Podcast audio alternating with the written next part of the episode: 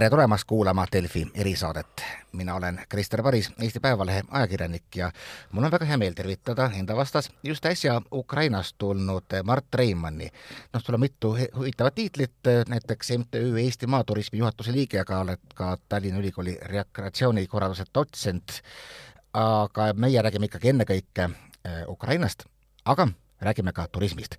No alustame kõigepealt sellest, et noh, noh, ma tean mitut sorti inimesi, kes käivad Ukrainas, on ajakirjanikud ja siis on vabatahtlikud, kes viivad rindele kõiksugust tavaari ja ka teistele. aga sina oled nagu selline kuidagi kolmas sort, et ja just, et enne seda saadet me rääkisime korra, et võiks suisa teha juttu maaturismi arengust ja mulle tundub, et sa vägagi, väga isegi mitte ei naljatanud, ehkki see sõdiva riigi kontekstis on päris huvitav jaa, äh, ma võin seda nii palju veel öelda, et äh, Ukraina sõda ei ole esimene sõda minu elus, et minu selline maapiirkondade ja turismi arendamine hakkas Ukraina sõjaga kaks tuhat kaheksa ja pärast seda ma olen olnud ka siin küll Mägi-Karabahhias, küll Kesk-Aasias, Kõrgõzstanis ja igal pool, kus on ikkagi turismi arendamisest just kriisipiirkondadest. Ja turism ja ja no äh, maaelu on äh, niivõrd äh, seotud, et me ei saa seda turismi kuidagi teistest eraldi võtta, aga võib öelda, et praegu, mida, mida siis seal rindelähedaste külade kohta nagu öelda, et, et tegelikult maaturismi ettevõtjad lahkuvad viimastena nii, oot, oot, oot, äh, maaturismi ettevõtted lahkuvad viimastena, aga pärast seda, kui on läinud viimased kliendid, tähendab, et seal on kliente? Äh, kui on läinud kõik viimased inimesed, et äh, maaturismi ettevõtjad on viimased, kes sinna jäävad, kuna nad tegelikult on ka üks asi, et nad on ikkagi kõik ka sellised kogukonna liidrid või noh, kogukonna aktivistid ja teiseks, äh, nemad on lihtsalt niivõrd palju,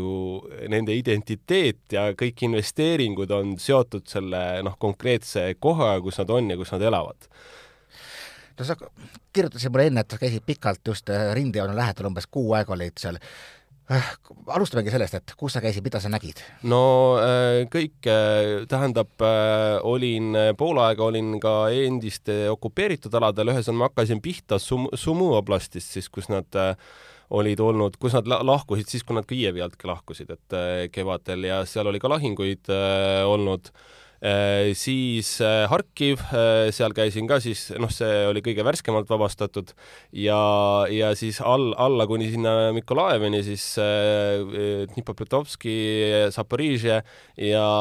Hersoni vabastamist ma kahjuks ei jõudnud ära oodata, et pidin paar päeva ennem lahkuma, kui, kui siis, kui siis Herson, Herson vabaks sai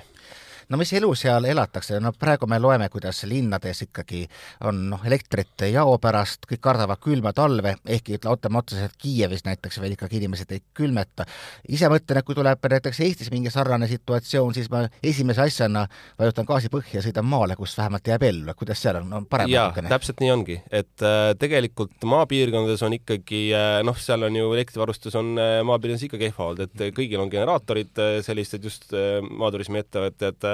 et seega seda probleemi ei ole, et noh, mis seal on eh, noh, generaatorite puudus, ma usun, et tead, mida nagu kõige-kõige-kõige rohkem tegelikult Ukraina hetkel vajab, ongi just eh, generaatorid, kuna kütust neil õnneks on hetkel, et siin eh, oli suve alguses oli maikuus oli suur probleem, kui ma seal olin, siis oli just, et seal olid lihtsalt neid oli, oli pommitatud nii palju igasuguseid naftahoidlaid ja, ja nafta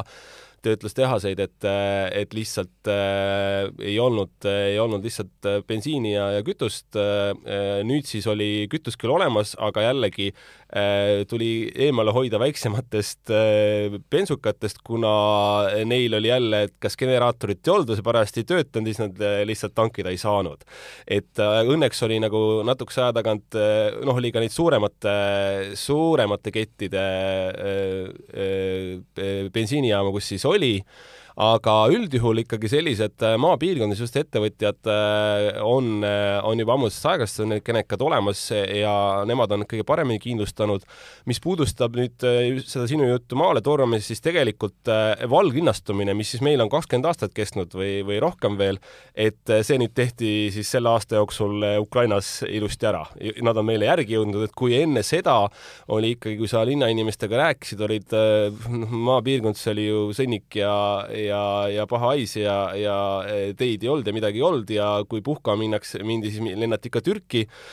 või siis, või siis Musta mere äärde et äh, siis nüüd ikkagi on just linna lähedaselt niisugune viie, viiskümmend kilomeetrit äh, linnade ümbruses äh, kõik, kõik need linnad, mida siis mainisin, siis Sumõ, Harkiv, Dnipro, Zaporižje, Krivoi Rih, et nende linnade ümbruses ikkagi on rahvaarvud on ikkagi pidevalt kohal, et on, on vähemalt kahekordistunud igal pool. Äh, ma just käisin vallavanematega, rääkisin ka, et nad ütlesid, et, et noh, oligi üldiselt oligi, et julgelt nagu kaks korda rohkem on meil rahvastes siis kas tulnud äh, Äh, okupeeritud aladelt või siis, või siis lihtsalt linnadest, kuna, kuna linnades äh, ikkagi pommitatakse, no seal on ka oma graafikud välja kujunenud, et, et niimoodi, et enne, pommitamised on kõik enamasti enne lõunat, et siis äh, enne lõunat, kui sa tahad linnas kellegagi kohtuda, siis see hästi ei õnnestu, et siis ikkagi oota pärastlõunani ära, et siis nad hakkavad oma,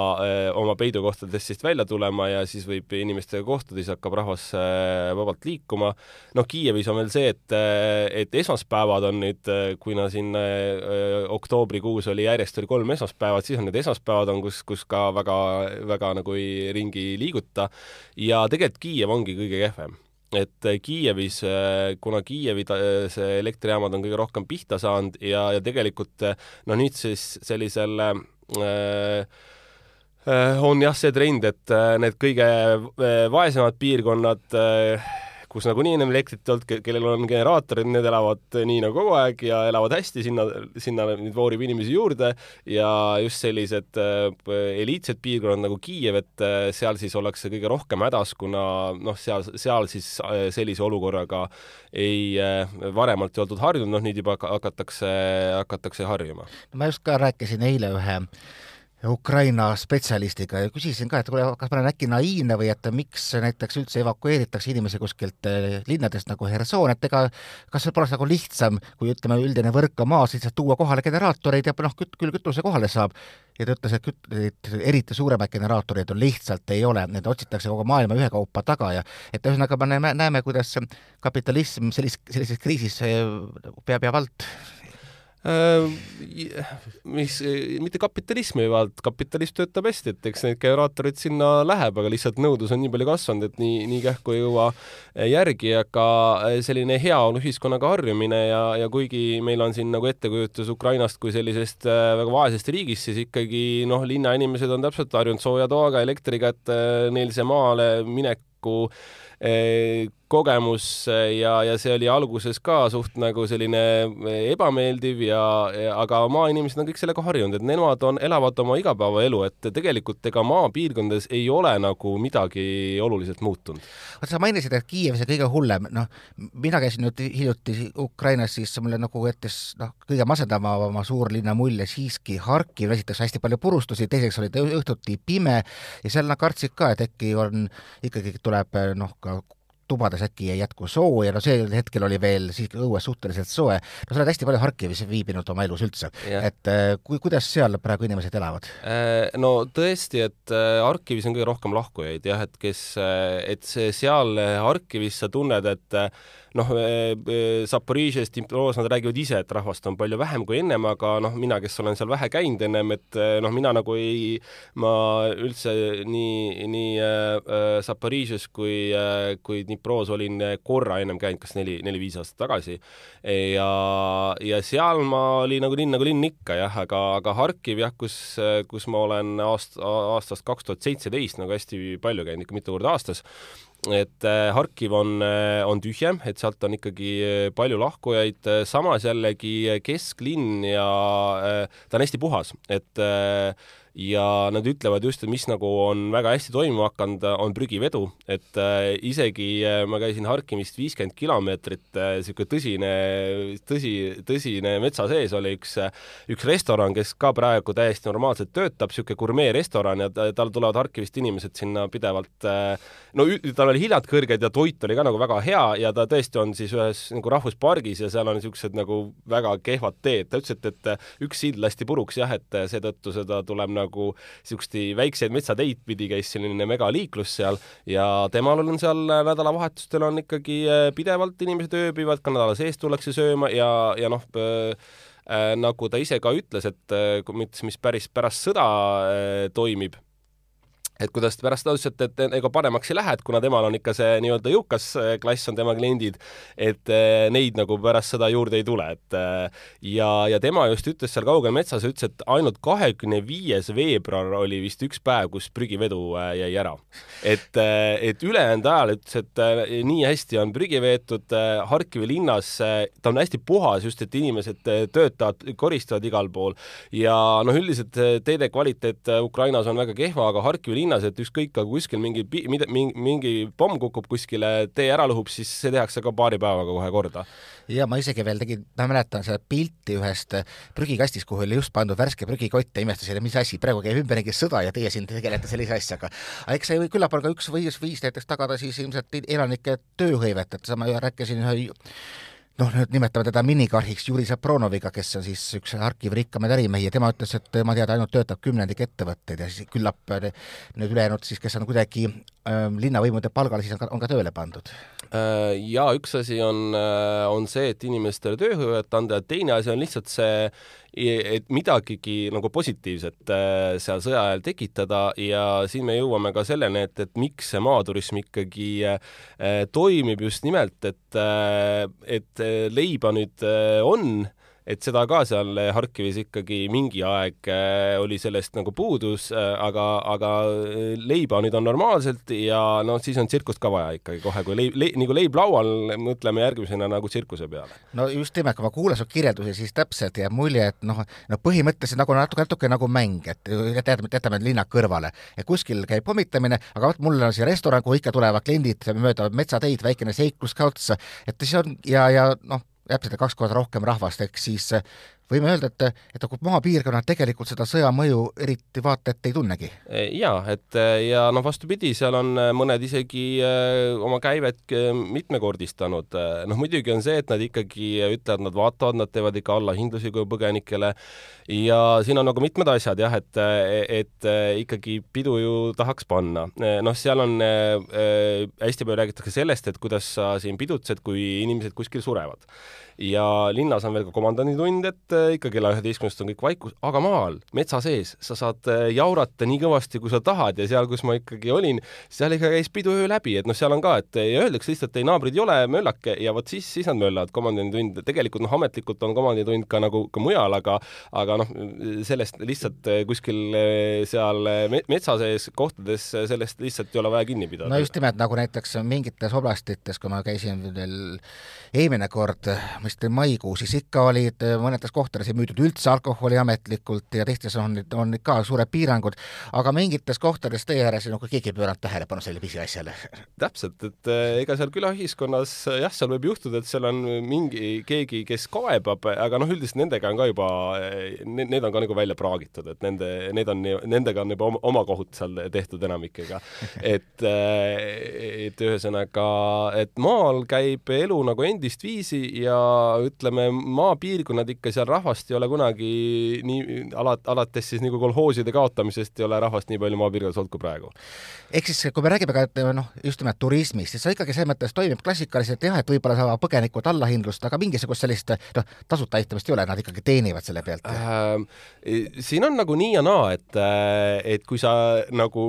küsid naabri käest, siis ütleb, et naaber ütleb, et teenib hästi, on ju, ja, ja kui sa küsid nagu põgeniku enda käest, et siis ta ütleb ka, et ta maksab, on ju. aga jah, et ettevõte ise ütleb, et ei, ma ikka annan nagu enamasti tasuta ja või teen allahindlust ja nii edasi, et noh, et, et see tõde on seal kuskil vahepeal, aga noh, fakt on see, et ikkagi äh, neid, kes nagu päris ilma rahata neid põgenikke majutavad, et äh, on ka ja mõned, mõned lihtsalt on see, et noh, on tõesti, vaatavad, inimesed on tulnud ilma millegita, noh, hea küll, e, ma ei saa nende käest raha küsida, aga, aga üldiselt ikkagi nagu miinimum e, sellised kommunaalid äh, ikkagi põgenike käest nii-öelda võetakse ja tegelikult seal on noh, ka sõltuvalt nüüd sellest Hramadast ja meie mõttes vallast, et seal on mõned kes ütlevad, et noh, neil on hästi, no vallavanematega just rääkisin, et noh, neil on lihtsalt hästi aktiivsed ametnikud palgal, et nad saavad humanitaarabi niimoodi lobistavad hästi palju, sinna tuleb rohkem inimesi, siis juba vaatavad ka seda majutuskohti ja just, et kui, kui siin-seal ikka inimesed nagu meeletult töötasid, vaatasin jälle, töö käib igal põllul või aias ja siis ma küsisin, et noh, palju töötajaid on, et mul töötajaid muidu väga ei ole, aga need, need on põgenikud, et lihtsalt nad teevad siis, nad saavad tasuta olla, aga selle eest nad teevad tööd ja päris usinalt äh, töötasid siis seal. no Ukrainas ju põhimõtteliselt kehtib mobilisatsioon, kuidas see mõjutab töötajaid? Üldse mitte siis, saan aru? ei, mobilisatsioon, äh, ega seal ju äh, oli see probleem pikalt, et oli rohkem tahtjaid, kui vastu suudeti võtta, et et see nüüd on jah, sellisel Vene, Venemaale nagu täielik vastand, on ju, et et seal ikkagi kõik tahavad võidelda äh, noh, mis on seal väga sellised huvitavad tendentsid on veel, et kas sa seda tead, kui palju kompensatsioon langenud sõduri eest on äh, Ukrainas? Et nad rindel said umbes kolm tuhat eurot kuus, kui nad ellu, elus on. surnu puhul ma ei oska täpselt, ei tea praegu. et vot e-, elus olles, et kui sul riigis, kus keskmine palk on kakssada eurot, on ju, et sa saad rindel olles kolm tuhat, et see on nagu väga hea aga siis see on nüüd nagu mitmest allikast kontrollitud ja mitu inimest ise ütlesid, et nad on selle raha siis peo peale saanud, noh muidugi tuleb sugulastega jagada, mis on, ei ole nagu nii tore, aga see on viisteist miljonit grinnat, mis teeb mingi nelisada kakskümmend tuhat eurot. Et äh, sellega teeb Eestis ka äh, väga see, palju. on ikka oluliselt rohkem kui üks laada, mida venelased saavad jah, oluliselt rohkem kui üks laada ja seetõttu äh, selline ehitusbuum seal äh, piiri ääres ja noh, siin isegi on nagu räägitud, et äh, kui enne, enne kui siis äh, see mobilisatsioon hakkas, siis neiud kippusid väga abielluma, et ja, ja otsisid mehi ja, ja see ja ja noh, et ega siin et, et, et, et jah, et need kompensatsioonid on nagu päris korralikud ja ehitustööd, et siin nii mitmedki ehitasid siis nii-öelda oma turismitalu või no üks äh, proua just ütles, et tema mees siis äh, tahtis teha siis sellist nii-öelda puhkekodu sõduritele või rehabilitatsioonikeskus ja nüüd ütles, et selle rahaga ta saab ilusti kõik see ära teha, nii et mis on, mis oli nagu veel hästi huvitav, et ikkagi noh, üks asi on see riigi struktuurid, et teid parandatakse kähku, aga ikkagi eraettevõtjad, sa oled, sa oled kolmkümmend, nelikümmend kilomeetrit rindejoonest ja su kõik ressursid sa paned ehitamise peale ja noh, mehi on võtta ka, äh, nagu ma olen aru saanud seal, kes, kes ehitavad ja ja nii et, et sellised ehitustööd käisid nagu igal pool äh, sellist väga nagu, väga suure ulatusega, lihtsalt varematel kordadel, kui ma olen Ukrainas ringi liikunud, ma pole nii palju ehitust näinud kui praegu. kõlab ühest küljest uskumatu, no teisest küljest täiesti arusaadav, et väga enesekindel ja väga kohanemisvõimeline ühiskond. kuule, aga räägiks natukene veel maaelust laiemalt, et noh, kui me kohtusime Kiievis just siis, kui sa noh, mäletad, meenutasid, et oli suur kütusekriis. jah, see oli üheksas mai. täpselt ja, ja, ja kombainid kuidagi ei saanud minna põllule ja sel hetkel ei olnud ka viljalepet veel, ehk siis polnud kindel, mis selle viljaga üldse peale hakata, et äh, kui palju on nüüd selles vallas paremaks läinud? Äh, no vili on äh, võetud, siis päevalilled ja mais veel oli, aga nad ütlesid lihtsalt sellepärast, et vastupidiselt Eestile on seal suvi oli hästi vihmane olnud, et ja noh, päeval, nii päeval kui maisi saab nagu külmaga ka hästi võtta, et aga töö, töö käis ja, ja see, et keegi põllumeestest siin oma viljamüügi pärast oleks muretsenud, seda nagu ei olnud, ei olnud küll kuulda ega kuulda, et, et tegelikult ikkagi see noh, maal nad elasid nagu väga hästi ja noh, jällegi, et nagu ma ütlesin, et et see ei ole minu elus esimene sõda, et enamasti ma olen olnud siis jõudnud nende piirkondadesse just täpselt nagu no kui, kui rahvas on mentaalselt meelestatud umbes sarnaselt nagu praegu, et Äh, sõda algas märtsikuus, ei saanud keegi mitte midagi teha, et me ei saa seda, seda, seda, kui ma ütlesin seal, et me hakkame projektidega edasi minema, kuna rahad on olemas, siis, siis noh, oli lihtsalt mentaalselt keegi ei suutnud nagu tööd teha. Nad ütlesid, et siis ma ütlesin, et hea küll, et ma tulen hiljem, kui te sõjaga ära harjute. siis käratati mulle, et mis, mis, mis jutt see on, et sõjaga ei saa harjuda, sõda peab ära lõppema. noh, maikuus oli ka ikkagi selline väga ja siin, siin nagu poole suveni oli ka ikkagi selline aga vot nüüd oli siis äh, alates oktoobrist oli täpselt selline, et no tule, teeme ära kõik ja kõik tahtsid tööd teha, kõik tahtsid, noh, kõigil oli aega tegeleda siis äh,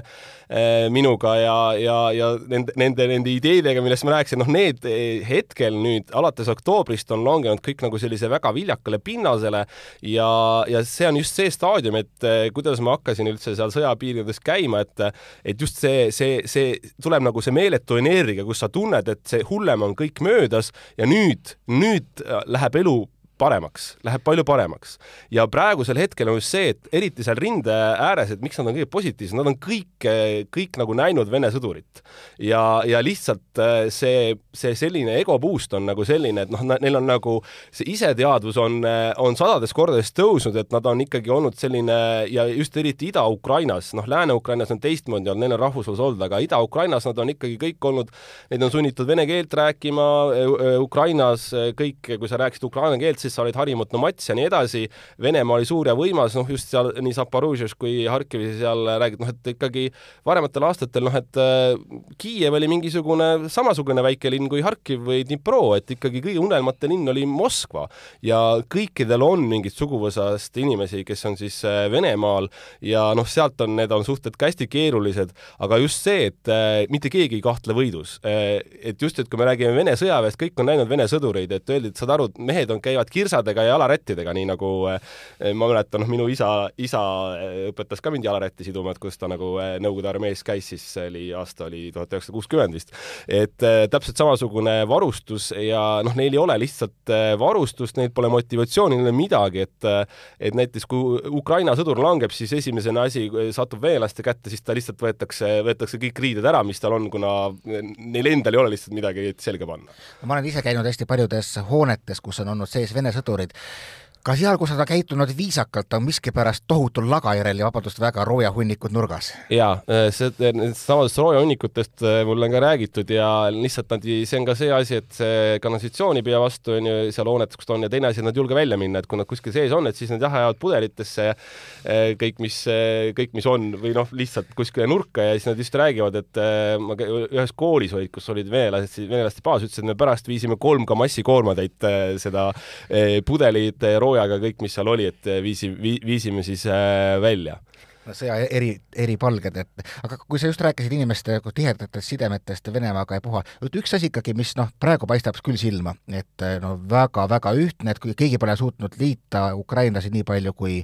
kui Putin, aga ikkagi ta ju millelegi tuginedes, tugines. Ja mis sa arvad, kui palju seal ütleme, ikkagi mingites piirkondades tal võis lootust olla? mina käisin vahetult enne sõda Mariupolis ja Harkivis ja, ja ma ei näinud seal mitte ühtegi inimest, kes oleks tunnistanud avalikult, et ta ootaks Putinit. no võib-olla ei pidanud seda sobilikuks äh, mitte väga tuttavale ajakirjanikule mainida. teised ütlevad, et seal ikka oli ikka päris korralikult. no sa olid ajakirjanik, äh, mina ei ole ajakirjanik olnud, et, äh, et minule räägitakse seda, mida mõeldakse, et äh, ikka Eh, nii-öelda kollaborist eh, endiselt on eh, ja just, et kas kõik räägivad sellest, aga noh, näiteks seal oli ikkagi ka see ju, Summus räägiti, et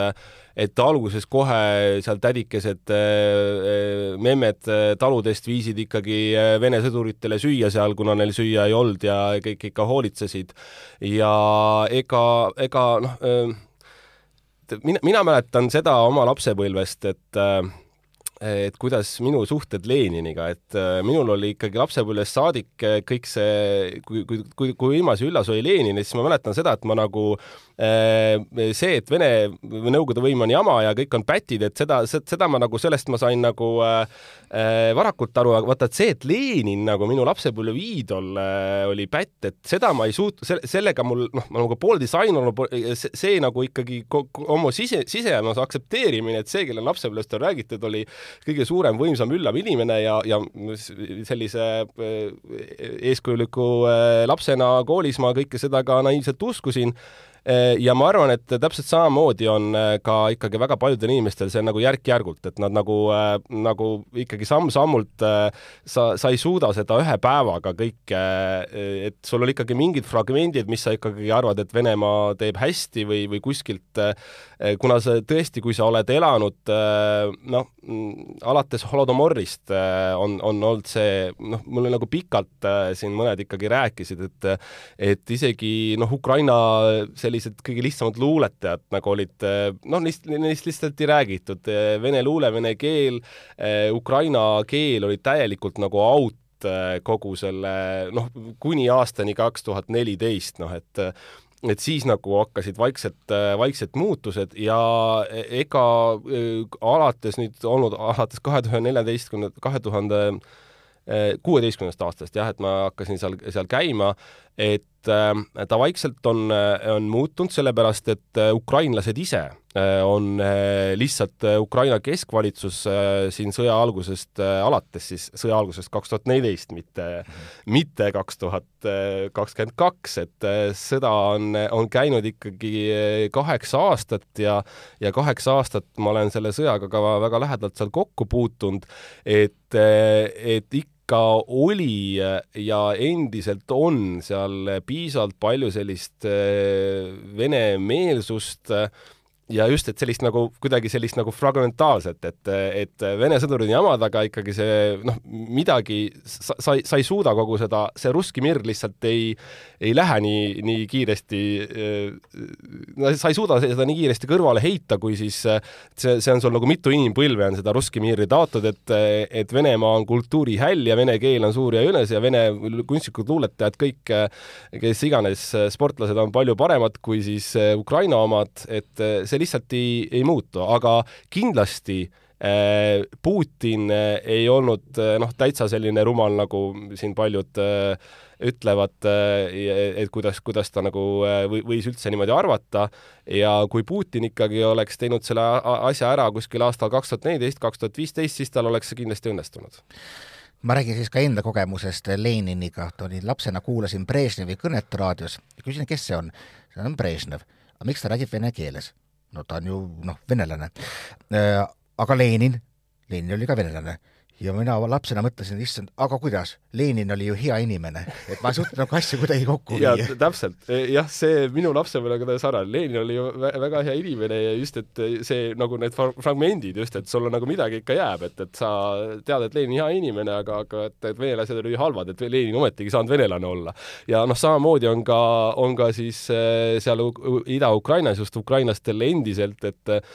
et äh, on nagu väga palju asju sellest vene asjast, mida sa, sa kuuled, isegi, e, isegi nad kasutavad kogemata, tead, mingisugune, räägitakse mingi vene kultuurist meie, on ju praegu, noh, see tuleb nagu lipsab üleüldse, et, et oota, mõtle jaa, näiteks Il-, Ilmar Raag just saatis meile ülevaate kuskilt Donbassi rindlekust, ta käis ja lähedases külas siis üks vanamees kirjeldas, kuidas tal tuli ka ähvardama, et miks sul on Lenini pilt veel jätkuvalt teisel korrusel üleval kuskil, et selliseid asju on, aga kuidas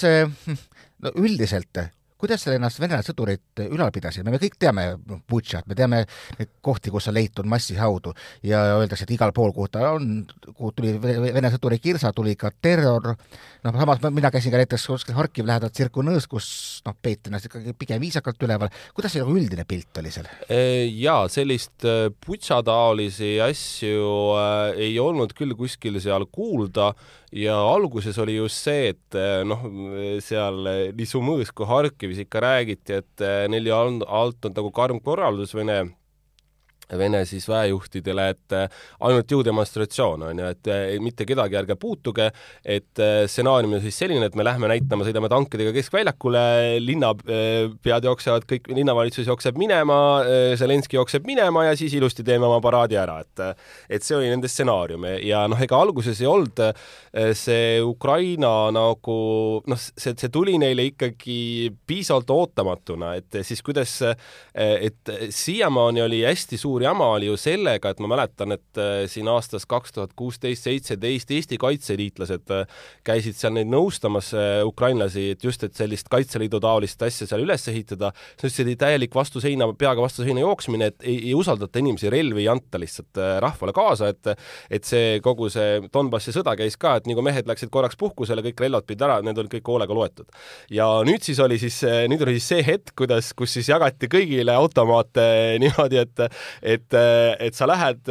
seal oli just, et üks, üks mees läheb, et kuule, et ma võtan ühe automaadi, kuule, mul on vend ka, et ja siis mu naabrimees tegelikult, ta ei saa tulla, ma võtan talle ka. et siis sellised pildid, kuidas lihtsalt üks mees läheb, sõidab jalgrattaga ja viis automaati on seljas, et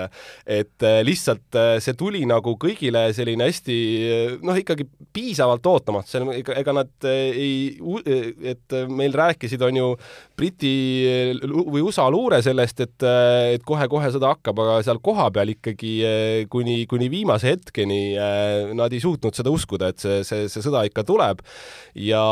ja see oli ikkagi piisavalt ootamatu ja eks see, eks, eks selline spontaanseid asju juhtus nagu igal pool, sõltuvalt siis, kuidas nagu inimesed eh, parajalt käitusid. aga, aga üldiselt ikkagi noh, kui, kui Vene sõjaväelased said aru, et neid nagu hästi vastu ei võeta, siis seal selliseid noh, mis juhtumeid oli, et jah, kui keegi kuskil sõitis autoga, mingi pere kuskil sa liikusid, et siis sa võisid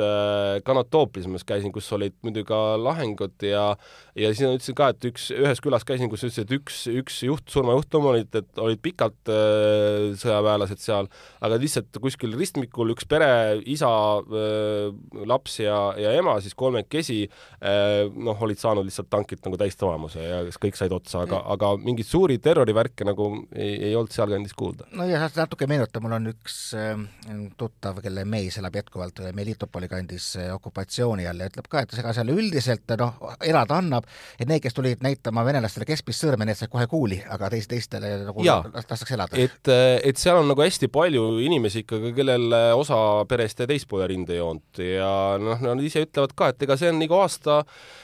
tuhat üheksasada nelikümmend Eestis, et äh, kui sa vaikselt tee, et töötegijaid on ju kõigil vaja, kui sa vaikselt toimetasid oma põllul või tegid oma tööd äh, ja kellelegi silma ei hakanud ja keskmist näppu ei näidanud võimu pihta, äh, siis, siis sa said olla, aga kui keegi kaebas, siis läks jamaks. ja kui sa oledki selline inimene, kes, et seal on ikkagi paljudel on, on siis osa suguvõsast jäänud teisele poole, palju tuttavaid teisele poole rindejoont ja siis nad ütlesid, nad seal vaikselt siis istuvad oma majakeses ja, ja ega, ega sõjaväelased üldiselt ei, ei, ei julgenud niimoodi kuskil ringi tuusa, luusida seal, et ikkagi nad ei teadnud, mis kuskil maja sees või keldris neid ootab või, või kui ukse lahti teevad, et on, võib olla granaadiga ühendatud või mis iganes. et, et nad ikkagi liikusid oma kolonniga, tegid kuskile baasi, just mingi suurem hoone, kas siis ma ei tea, mingi spordihoone või, või koolimaja ja olid seal vaikselt, ega nad rahvaga nagu väga ei, väga ei suhelnud, noh, panid oma need äh, blokkpostid või kontrollpunktid välja ja ega nagu kontakti väga palju ei olnud. Äh, mis puudutab äh, siis üks majutusasutus, mis oli kõige sellisem noh, kõige lihtsam selline vana, eh, vana maja ja, ja ta ütles, et tal on olnud enamasti siis sellised just niisugused eh, süstamatkajad ja mingid eh, noorteklubid. et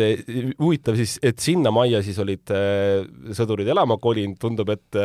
noh, nad ütlesid, et kõik on nagu hästi vaesetest piirkondadest, seal rääkisid igasuguseid lugusid, ma ei tea, kui palju seal nüüd on niisugust juba rahvafolkloori, aga noh, näiteks see, et tulevad sõdurid küsima, et tahaks nagu hobuseliha, et kus teil, noh, andke hobused, noh. siis öeldi, et sorry, et aga meil hobuseid ei ole siin, no aga me näeme, et põllud on küntud ja siis kuskil peavad need hobused ikkagi olema. siis öeldi, et noh, et aga meil ei ole ju hobustega enam, meil on traktoritega küntakse, et eh, nad ikka ei suutnud uskuda, et kui on ikka küntud põllud, siis peavad hobused ka kuskil olema. ja, ja noh, seal igasuguseid jutte, et kuidas tuleb, peksab, tuleb Vene sõdur tuppa, peksab mikrolaineahju, et kuule, tee seif lahti, onju, et. seda olen ka kuulnud, jah. sa oled ka kuulnud? okei, no ja ma kuulsin ka seda, sõdurid ise, ise rääkisid seda, et proua ma ütlen, mis, mis, mis seif, et mul on pension viiskümmend eurot, et mis, mis seif mul on, et see mikrolaineahi, et mis, mis, mis, mis sa tuled mind sellised, ma olen näinud, siuksed seifid peaksid sellised olema, et et mikrolaineahjust ei olnud kuulnud siis Vene sõdur. ja ma nägin ka kuskil mingeid vahelt võetud sõnumeid, kus keegi hädaldas, et haiged inimesed ja kasside jaoks omaette toidukauss umbes ja, ja see täitsa aga võtame ka praegu selles mõttes otsad kokku, et ega me ju ei tea, kuidas sõda lõpeb, aga just nimelt moraal on Ukrainas kahtlemata kõrge, seda nägime ka ise, sa kinnitasid praegu, et isegi ollakse veel erakordselt nagu optimistlikud tuleviku suhtes. mina näen veel ühte nagu veel siiski probleemi, ikkagi mehed, kes tulevad tagasi rindelt äh, ja ka inimesed, kes ka noh, võib-olla pole rindel käinud, aga on ikkagi saanud pihta, et see nagu äh, psüühiline trauma hakkab mingi hetk endast tunda andma või kuidas sulle tundub? Äh, noh, eks see kindlasti, no aga see ongi see, et, et sõda mõjub väga-väga äh, erinevatele inimestele, et on inimestele, kellele see annab kõvasti energiat juurde, et kes muidu ei, ei leia seda pointi üldse, tiksub kuskil kõrtsus ja, ja vot tuleb äh, sõda, siis tal on nagu selline energiapuust, tal on nagu võimalus ennast realiseerida, et ongi. Ja, ja teised siis, kellele see mõjub nagu hästi-hästi traumeerivalt, et noh, see on üldse, see on igasuguse kriisiga või noh, näiteks kui, kui ma, ma olen ju eluaeg matku teinud, et et justkui, kui on selline matkal raskem situatsioon, siis sa näed ka, kuidas niisugune kriisiolukord matkal, et seda inimesed ka nagu väga erinevalt tajuvad, et osad, kes on lausa halvatud, istuvad maas, ei oska midagi teha ja teised, kes hakkavad lihtsalt ringi sahmima ja kolmandad siis kuidagi, kes hakkavad nagu väga õigesti ja ratsionaalselt tegutsema. täpselt samamoodi on sõjaga, et et eks ta mõjub igale inimesele väga erinevalt ja, ja tõesti, need, kes seal rinde ääres on, nad on, nad on lihtsalt sellega harjunud, nad ei pane tähele üldse seda Eh, suurtükkide kõminat eh, taustal enam ja see, kui see noh, pommi seal isegi selline sõjaaja niisugune must huumor, et ma siis ühega, ta pidi just külasse tulema, aga ta elas linnas, siis ta ütles, et eh, vabandust, et ma ei jõua selleks ajaks, et näed, kurat, et venelased on laisaks jäänud, magasid sisse, et tavaliselt nad pommitavad enne seitset ja nüüd hakkasid kella üheksast pommitama, et noh, ja linnaliiklus pandi seisma, bussiliiklus, et ta pidi bussiga tulema, et sorry, et ma tulen nüüd paar tundi hiljem, kuna et sellepärast, et venelased sisse magasid ja liiga hilja pommitama hakkasid. aga mingit miine ei karda seal? Äh, vot miinid on äh, ka ju piirkondades, kus nad on äh, reaalselt nagu olnud, see ei ole mitte igal pool, et just, et on, on nagu piirkonnad, kus nad on okupeerinud, ka olid siis natuke nagu hõredamalt ja on siis nagu jah, see natuke lausalisemalt, et no üldiselt nad ikkagi, need piirkonnad enam-vähem nagu märgistatud ja, ja seal on ka si-, sildid juba välja pannud, kus, et kus need miinid seal metsa all võivad olla ja aga jah, et see muidugi, muidugi sellistes sellistes kohtades, kus need miinid on, et siis nad ikkagi ütlevad, et jah, et ikka siin paarkümmend aastat võib aega minna selleks, et äh, nendest, nendest miinidest vabaneda. no seda näitab ka teiste riikide kogemus. no igal juhul aitäh suurepärase fantastilise jutuajamise eest, selles mõttes, et see sisendab kõvasti lootust, et tõsi, talv tuleb raske, aga just nimelt ennekõike linnades ja pigem, mida ma kuulen, käib ehitusbuum ja kõik läheb paremaks. jah, nad on kõik võitjad. mida lähemale rindejoone, seda optimistlikud inimesed on, sellepärast et äh, nad on nad on näinud venelas, Vene sõdurit, keda nad lihtsalt enam ei karda aitäh Mart Reimannile, mina olen Krister Paris Eesti Päevalehest. jälle kuulmiseni siis uutes erisaadetes